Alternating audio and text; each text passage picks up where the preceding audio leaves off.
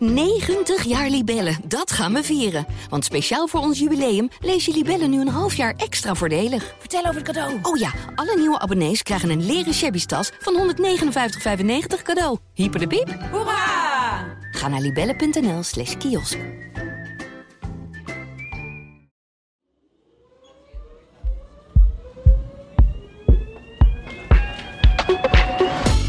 Granaat voor de deur, beschoten gevel, een explosie of criminelen over de vloer. Geregeld sluit de gemeente bedrijven omdat ze een gevaar zouden vormen voor de openbare veiligheid. Maar hoeveel nut heeft zo'n maatregel? En hoe wordt bepaald of een tent dicht moet?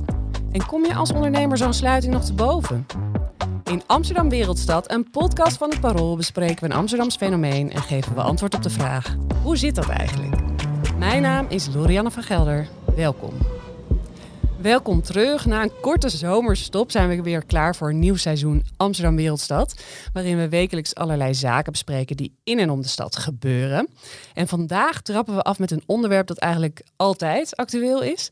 Want bedrijven die door de gemeente gedwongen worden hun deuren al dan niet tijdelijk te, te sluiten, dat gebeurt eigenlijk eh, regelmatig. Onlangs nog bij de vestiging van de Harbor Club Oost, waar een explosie voor de deur was. En zo'n sluiting leidt eigenlijk altijd tot gedoe en tot vragen. Want wat los je nou mee op? Straf je niet juist de ondernemers en de werknemers die er misschien niet altijd iets aan kunnen doen? En hoe bepaalt de gemeente eigenlijk of een zaak dicht moet? En daarover spreken we met Paul Vugs. Welkom. Dank je. Verslaggever misdaad en ervaren podcastgast. Paul, wanneer kan de gemeente nou eigenlijk besluiten dat een bedrijf dicht moet? Uh, dat kan als de openbare orde ernstig in het geding is. Die bevoegdheid ligt bij de burgemeester, in ons geval Femke Halsema. Die uh, uh, moet bepalen of, de, of er een dermate grote kans op herhaling is, dat er een nieuw incident gaat komen, dat de openbare orde duurzaam in gevaar is. En dus dat er als enige ultimum, ultimum remedium gekozen zou moeten worden voor het sluiten van die vaak horecagelegenheid, maar kan ook een ander bedrijf zijn. En inderdaad, zoals je al zei, uh, stuit dat altijd op weerstand bij de slachtoffers. Want die zeggen, we zijn slachtoffer van een aanslag. En daarna worden we slachtoffer van de burgemeester. Dus we zijn twee keer uh, geraakt in plaats van dat de overheid ons helpt. Ja, en hoe bepaalt ze dat? Doet ze vooraf onderzoek? Um, of is het echt meteen van, nou, boem, uh, explosie en dan gewoon sowieso dicht? Nou, tegenwoordig is het anders dan het een tijd geleden is geweest. Onder Ebrard van der Laan werden een tijd lang alle zaken, bijvoorbeeld coffeeshops, die doelwit waren geweest van aanslagen, automatisch gesloten. Kort voor zijn vertrek en verscheiden is daar wel iets aan genuanceerd. En dan ging, het, dan ging een zaak een week dicht, zodat de politie eerst onderzoek kon doen. En daarna werd pas besloten ja of nee. Sluiting. Uh, bij haar komst heeft Femke Halsema al gezegd dat ze wil differentiëren. Dat ze echt wel goed wil kijken naar de mogelijke achtergronden van een aanslag. Waarom is juist deze horecazaak of dit bedrijf doelwit geworden van een aanslag? Kan de uitbater of de eigenaar of de pandbezitter daar iets aan doen? Of heeft hij helemaal geen, heeft hij gewoon dikke pech?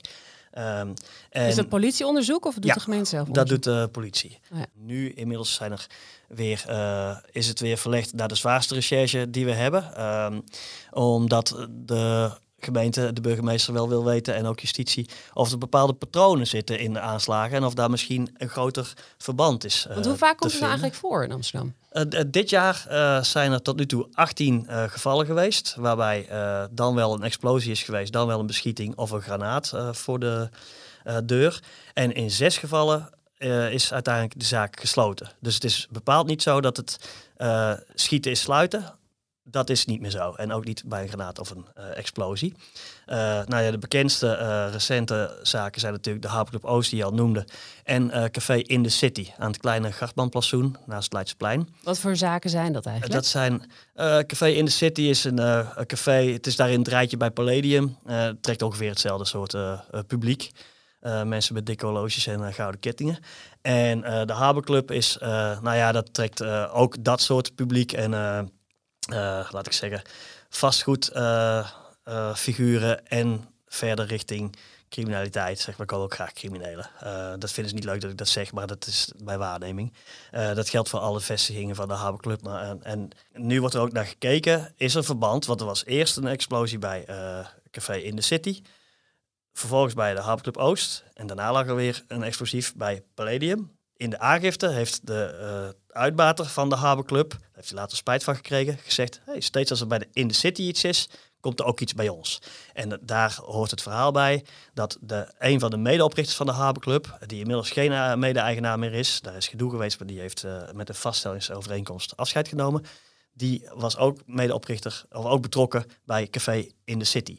En het is het idee dat er wel verband is tussen die twee zaken. Ja. Al, al is dat nog onderwerp van uh, rechercheonderzoek. Ja. Uh, het grote probleem natuurlijk waar Halsema altijd voor zit, is dat ze niet onmiddellijk de dag van die aanslag of, of dat de granaat is aangetroffen, dat ze niet onmiddellijk weten hoe het zit. Uh, dus ga je dan meteen sluiten, of laat je er even tussen zitten. maar dat wordt er vervolgens, ook als ze dat laatste doet, er even tussen laten zitten, wordt het daar soms ook weer tegengeworpen. Bijvoorbeeld door de Haberclub. Die zegt, ja, we zijn wel weer anderhalve week eh, gewoon prima open geweest. Uh, we waren al volop in uh, bespreking met specialisten van politie, uh, gemeente, over te nemen maatregelen. We waren aan het bekijken of ons uitstekende 24 uur draaiende camerasysteem misschien open moet worden gesteld uh, voor de politie. We hadden de bewaker met een hond voor en een bewaker met een hond achter het pand, zodat ook s'nachts uh, dus daar... ze hadden er echt heel veel aan gedaan. Zeggen zij. En, ja. uh, en vervolgens worden was nog gesloten nadat dat incident bij Palladium was geweest. Kijk, je kunt het ook omdraaien. Je kunt ook zeggen, je geeft de politie minimaal eventjes de tijd om iets te onderzoeken waarop je het kunt baseren dat, dat, dat hier de dreiging van de nieuwe aanslag zo groot is dat het moet worden gesloten. Bij de Havenclub Oost is, hebben ze ook nog in die zin pech dat uh, ik weet niet of je de locatie kent, aan de Krukjesweg daar. Ja, er wordt enorm veel gebouwd. Dat wordt helemaal ontwikkeld, dat gebied. Dat was altijd een beetje een rommelige, uh, half leeg uh, bedrijfterreinachtige toestand. Maar nu is er een hotel naast en er zijn mooie appartementencomplexen omheen gebouwd.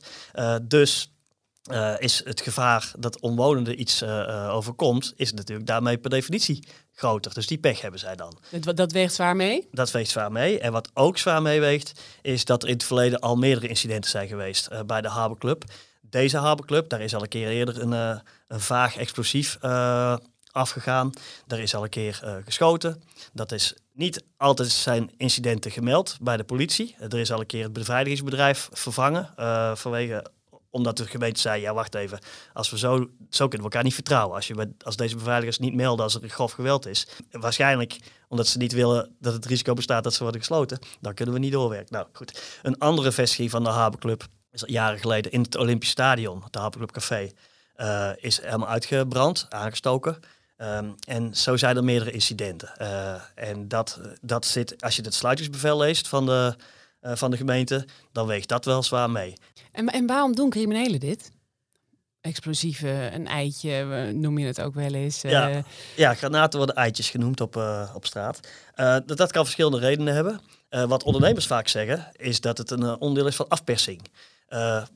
portiers van clubs krijgen heel vaak, als zij klanten eruit gooien, criminele klanten, uh, te horen, wacht maar, we gaan eens even zorgen dat jouw oh, dus zaak Ze worden één keer geweigerd en dan uh, is het Ze worden eh, geweigerd of ze worden eruit gegooid. En heel vaak klinkt dan, dat klopt ook wel hoor, wordt dan geroepen, oké, jouw tent, ik ga zorgen dat jouw tent dicht gaat. En dan is er binnen, kort daarna iets van een incident, een explosie of een granaat. En wordt het inderdaad gesloten.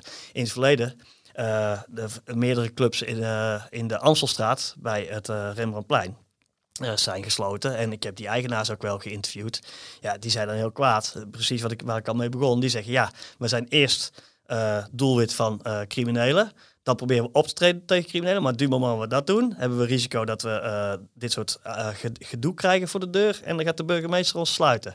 Nou, zo kunnen we dus helemaal niet ons tent zuiveren van criminelen, wat de gemeente graag zegt te willen. Dat is iets, dat is natuurlijk wel een beetje dubbel.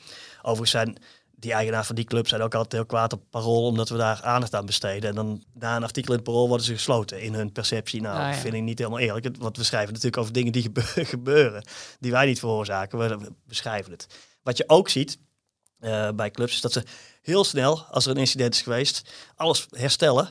Het lijkt dan wel dat ze wil hersteld hebben voor iemand het ziet, bij wijze van spreken. Snap je? Dat het meteen niet meer opvalt en uh, dat omwonenden er ook geen uh, aanstoot aan nemen en dat dat de kans misschien verkleint om uh, gesloten te worden. Nou ja, goed, ik zei al, het is maar in zes gevallen van de 18 gevallen van 2022 gebeurd. Dus het is toch maar een derde van van de zaken is uiteindelijk gesloten. En wat weten we ervan of het echt effectief is, dat sluiten? In elk geval heeft het tot als je een half jaar dicht bent, dan, ja, dan, is, de dan is daar het trek je natuurlijk minder criminelen aan. Er is daar niks. Dus waarom zou je daar een, een beschieting doen of een, een explosie? in het verleden was het voor onbepaalde tijd of voor drie maanden. Nu is dat ehm, volgens de advocaat van de gemeente expres niet meer onbepaalde tijd, maar zes maanden. Om het risico dat ondernemers failliet gaan te verkleinen. Maar wat we weten is dat het vaak jonge gastjes zijn, uh, vaak minderjarigen, die voor een paar honderd euro uh, dit doen. Dus uh, je geeft ze een wapen in handen of een, een granaat of een ander explosief. En, en zij gaat het fixen. Er zijn nu recent twee arrestaties verricht, een jongen van 17 en een jongen van 15. dan heb je natuurlijk ook het dilemma als je dit wil onderzoeken. Kijk, je kunt wel uiteindelijk de legger van de granaat of degene die geschoten heeft arresteren. Maar ja, dan heb je de uitvoerder. Dan weet je nog, als die niks zegt en als je ook niks in zijn telefoon aan informatie bijvoorbeeld vindt of bij een huiszoeking, dan heb je nog steeds geen zicht op wie hier nou achter zit. Wie dus je kunt ook, er zijn ook mensen binnen de opsporingsdienst die zeggen, volg die verdachte tijdje, luister ze af. En dan gaan we eens kijken of we zicht krijgen op uh, het grotere plaatje. Maar het is in ieder geval ook heel frustrerend voor ondernemers. Het is zonder meer uh, frustrerend voor ondernemers. Want ten eerste, wat ik al zei, zeggen ze natuurlijk altijd: we worden slachtoffer van een aanslag of een, of een dreiging. En vervolgens worden we slachtoffer van de burgemeester. Terwijl je zou hopen dat de overheid kom, ons komt helpen. Uh, dat is zo. Aan de andere kant uh, ja, is het natuurlijk ook wel te begrijpen dat, dat als een bepaalde zaak een magneet van problemen is, uh, waar geweld op kan uh, afkomen, ja, dat dat voor de omwonenden en voor de mensen in de club en de portiers wel een groot risico is. Dat dilemma hou je altijd. Ik zou in veel gevallen uh, niet graag in de schoenen van de burgemeester staan, omdat het vaak zo vaag is. Dus je moet iets beslissen voor je het weet. Ja. En er is wel in het verleden onderzoek gedaan naar bijvoorbeeld uh, ook coffeeshops gelieerd en zo. Is er, is er wel eens uitgebreid onderzoek gedaan van, oké, al die zaken die doelwit zijn geworden, uh, kunnen we daar iets van zeggen? Nou, wat ze ervan konden zeggen, is dat er altijd wel indirect of direct enige relatie met criminaliteit, met de onderwereld uh, was te leggen. Maar ja, dan zeg ik daar ondertussen bij, dank je de koekoek. Als het over coffeeshops gaat, dan coffeeshophouders zijn door het gedoogbeleid, uh, door het rare achterdeurbeleid, en natuurlijk gedwongen contact hebben met criminelen. Want die moeten een hasje wiet inkopen. Dus je kunt altijd zeggen, een coffeeshop-eigenaar heeft per definitie banden met criminelen. Als je het, dus dat klinkt heel heftig, maar is eigenlijk uh, uh, niet zo uh, raar. En je kunt ook zeggen van sommige clubs, je kunt uittekenen welk type clubs, in het verleden bijvoorbeeld met VIP-tafels en zo, de criminelen aantrekken. Ja, de, die uitbaters zullen zeggen, wij kunnen niet aan de neus van zo'n jongen zien of het crimineel is. Daarbij kunnen we het wel zien, of weten we het moet ik dan tegen, tegen een crimineel zeggen, jij mag hier niet in, want jij bent een crimineel. Uh, dan krijg ik het probleem. Hij zegt, ik ben de politie niet. Dat zeggen uh, uitbaters vaak. Dus die dilemma's, die, die blijven altijd spelen. Dat is een beetje wat je erover kunt zeggen. Dat het altijd, kijk, tussen wit en zwart zitten heel veel grijs tinten. En daarin, in dat grijze gebied, zit dit vaak. het, is het is niet, meestal niet zo dat, dat club-eigenaren crimineel zijn of willen zijn. Of dat ze bewust uh, criminelen binnenhalen. Aan de andere kant hebben ze soms door hun programmering en door de manier van doen wel een grote aantrekkingskracht op uh, criminelen. Als jij van die VIP-tafels neerzet, zo, eh, jij en ik gaan niet naar die feesten waar, waar je met allemaal dikke Don Perignon, uh, weet ik veel, in koelers en zo, en letterlijk met geld moet smijten en zo. Dat vindt bepaald slag volk vindt dat leuk en daaronder dat volk zijn veel criminelen. De eigenaar van de Harbor Club Oost, ik heb hem geïnterviewd voor de krant, en die zegt, ja, uh, we hadden in het verleden waren we tot drie uur open. Ik heb daar één uur van gemaakt. Ik wil veel meer een restaurant zijn dan een club. We hebben ook geen DJ-avonden meer. En, en niet het type feesten waar per definitie veel criminelen op afkomen. En nu overkomt ons dit en, en toch, toch gebeurt het weer. Ja, ja, dus kijk, um, ik zeg niet dat hij in alles gelijk heeft, maar ik kan wel meevoelen vanuit het perspectief van die ondernemer. Uh, uh, dat hij denkt, ja, ik doe wat ik kan. Ik ben in overleg met de gemeente en politie. En, andere mensen van de politie en de gemeente, eh, dan degene met wie ik in gesprek ben, die maken een rapport op en mijn, mijn zaak gaat dicht. Nou ja, ze zijn overigens een rechtszaak begonnen. En die hebben ze verloren. Dus de Dus rechtbank ze heeft moeten gewoon zes maanden dicht. ja, de rechtbank heeft geoordeeld dat, dat het de bevoegdheid van de burgemeester is dit te besluiten en dat het op de juiste grond is gebeurd. En ik denk dat iedereen die die briefjes eh, in Amsterdam wel kent, dat het ineens eh, gesloten is. Ik heb in, in mijn buurt in Amsterdam-Noord wel eens een Febo gehad waar zo'n briefje dan hi- hing. Of Ja. een, eh, een café. Het gekke blijft wel dat voor omwonenden dan blijft het soms zo onduidelijk wat er dan aan de hand is. En op een gegeven moment is het dan ook weer weg. Ja. En dan weet je ook niet of het is opgelost. Nee. Zou de gemeente daar niet iets meer openheid over Nou ja, je zit natuurlijk wel vaak met eh, reputatieschade voor de ondernemer als je, als je het maar half-half in dat grijze gebied kunt eh, zeggen. In Noord, eh, die Febo en een café aan het Mosplein en een café in de, een, een iets meer op hipsters eh, gericht café aan de, het Van, de de Pek Pek, eh, ja. ja, daarvan is nooit door de gemeente gecommuniceerd waarom dat was. Kijk, op straat gaat het verhaal dat een familielid van de uitbaters gedoe heeft in het eh, drugsmilieu. Eh, niet de officiële uitbater zelf. En dat dat aanleiding is geweest voor gedoe daar en dat dat, dat het grotere plaatje is. Alleen, eh, naar mijn weten heeft politieonderzoek dat niet opgehelderd allemaal. Dus dan blijft het een beetje in de lucht hangen. En dan blijft rond de officiële ondernemer van wie het is toch die zweem hangen van oeh, er zal wel iets met hem zijn. Terwijl hij misschien eh, zou kunnen zeggen, ja wacht even, eh, dat is helemaal niet zo. Eh, maar dat heeft met een familielid van me te maken. Of hij zegt dat niet, omdat hij die familielid niet in de probleem wil brengen. Dus dan, de, de, de buurt gaat het heel vaak niet weten. Wat wij altijd wel proberen te doen, is niet alleen de, het bericht over de sluiting maken, maar de onderliggende stukken te pakken proberen te krijgen. Maar, nogmaals, het is vaak een eh, grijs gebied. eh, dingen die bij elkaar worden geveed. Kijk, die meneer van de Haberclub Oost, die zegt ook, ja, dat er jaren geleden eh Haberclub in, de Olympisch Stadion, in het Olympisch Stadion is afgebrand en dat het aangestoken was. Dat heeft toch met ons niks te maken. Dat, dat is ook, dat zijn appels en peren. En alles wordt maar in één fruitmand gegooid en dan krijg ik een sluiting. Ja, dat, ik snap dat hij dat zegt. Ja. Dus er is altijd van beide kanten wel iets te begrijpen van Ja. het standpunt. En ook woningen worden wel eens gesloten. Er is tegenwoordig de wet Victoria. En op grond van de wet Victoria kan eh, de burgemeester bijvoorbeeld als in een woning drugs is gevonden of wapens of anderszins eh, duidelijk is misbruikt voor criminaliteit, eh, denk aan een drugslab, dan, dan kan de burgemeester ook woningen sluiten.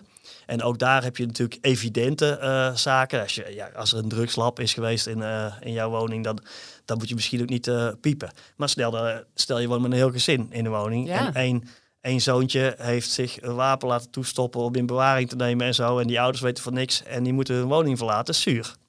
Dus ook daar krijg je vaak discussie van, ja, waar is het lichtgrijs, donkergrijs, pikzwart of juist wit? Eh, wanneer gaan we een zaak sluiten of niet en een woning sluiten of niet? En Dat, waar moeten deze mensen dan heen als ze eruit worden gegooid? nou ja, dat hangt er vanaf. Soms wordt er niks voor ze geregeld. Dan ja, zoek het maar uit. Ja. Eh, dat is wel zuur. Zoals er ook voor ondernemers niks wordt gekregen. Kijk, die, die man van Haberclub Oost, die zegt... Ik heb als Hans Klok zou daar komen... En er zit ook een theater naast, hè, best groot. Eh, en Hans Klok zou daar een hele serie optredens geven. En drag queens zouden daar een hele serie optredens geven. Hij zegt, als die optredens zouden zijn... zouden er 270 man, vrouw, in dienst eh, zijn. En nu? Nu wordt er helemaal niets voor, eh, voor geregeld. Haberclub is in elk geval nog een een keten van meerdere eh, zaken. Dus misschien kunnen sommige personeelsleden elders worden ingezet. Maar ja, het is ook geen, geen instelling die, eh, die, die failliet gaat lopen om, om mensen aan hun brood te houden. Dus, En wat zegt de gemeente daarop? ja, dus die zegt, ik hoop het voor u dat u niet failliet gaat, sorry. Nee, dat, dat, dat is een andere afdeling. Dus het is op gronden van openbare orde wordt het gesloten. En dat is het risico voor de, voor de ondernemer. En dat is wel, ik kan me wel voorstellen eh, dat die eigenaar zegt, ja, als jij niet kunt aantonen dat, dat ik iets fout heb gedaan, eh, dan is het wel heel heftig dat je dit voor een half jaar dichtgooit en dat ik mogelijk failliet ben straks. Komen ondernemers er wel eens bovenop? Jawel, jawel. Kijk, en er zijn ook, ook bijvoorbeeld die clubs in de, in de Amstelstraat. Dus je hebt Club R daar zitten, die kent iedereen wel. Een paar deuren verder, op Amstelstraat 30, is, eh, is eerst had er Club E. Die is een keer gesloten door de burgemeester. Daarna wordt hij weer open. Eh, is die daarna weer gesloten. Toen is het eh, ook van naam veranderd. Blue Ivy, eh, die is ook weer gesloten. Maar goed, dat was van dezelfde maatschappij. Weer, dezelfde eigenaar. En die is toch wel weer opnieuw begonnen, zeg maar. Later is hij gesloten. En nu hebben we vorige week, een, mijn collega Wouter Laumans en ik, een artikel gepubliceerd. dat er weer een nieuw initiatief was voor weer een nieuwe club, Club Birdie.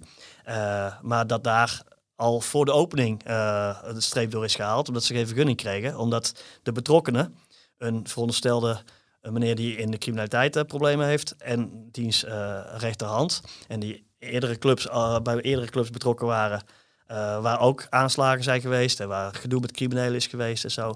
Die heeft gewoon geen vergunning gekregen, omdat zij zelf al veel incidenten aan hun broek hadden hangen. En dat pand al een geschiedenis heeft met eh, incidenten. En de burgemeester daarvan heeft gezegd, en de juridische afdeling, wij vertrouwen er niet op dat dit een gezonde onderneming wordt waar geen eh, gedoe van komt. Dus krijgt sowieso die vergunning niet. Dus ja, ze komen er wel bovenop. Maar het is wel altijd struggelen en zo. En eh, ja, en dan, dan is het ook altijd de vraag. Hoeveel veiligheidsmaatregelen kun je nemen en hoeveel. En als je bijvoorbeeld geen VIP-tafels meer doet en een ander concept wijst zo, kun je dan nog wel economisch bestaan. Omdat je verdienmodel eerst op, op dat publiek eh, is geënt geweest, wat je probeert te faciliteren met je club. En als je er iets heel anders van maakt, dan kom je misschien niet rond. Dus ja, dat is, dat is vaak wel een, eh, een heftig dilemma. Maar het gebeurt, kijk, ik kan me best voorstellen dat de Haberclub er wel bovenop gaat komen, omdat ze gewoon nog allerlei andere vestigingen hebben. En, eh, en er is toch het soort publiek dat zij trekken, het, wil toch zo'n soort horeca eh, ehm, ervaring. Dus het zou zomaar kunnen dat ze over zes maanden gewoon... Ik heb gelukkig geen glazen bol en we hoeven het ook allemaal niet te voorspellen. Maar ik denk juist omdat de Haberclub een heel groot instituut is. Mhm. ehm, ja, dat zij in elk geval meer kans maken dan een eenpitter die, eh, die zes maanden dicht moet. Aan de andere kant kan soms een eenpitter, ja, als je alleen maar eh, met weinig personeel één café in de lucht moet houden, dan kun je het misschien juist daardoor wel weer overleven, een half jaar. Ja, ja, goed, dankjewel. Eh dit was Amsterdam Wereldstad, een podcast van het Parool. Deze aflevering maakte ik met Marley van Zoggel en de muziek werd gemaakt voor, door Rinky Bartels. Reageren op vragen stellen kan via podcast.parool.nl en we vinden het heel leuk als je een recensie achterlaat in jouw podcast-app. Hartelijk dank voor het luisteren en tot volgende week. 90 jaar Libellen, dat gaan we vieren. Want speciaal voor ons jubileum lees je Libellen nu een half jaar extra voordelig. Vertel over het cadeau. Oh ja, alle nieuwe abonnees krijgen een leren shabby tas van 159,95 cadeau. Hyper de piep. Hoera! Ga naar libellen.nl slash kiosk.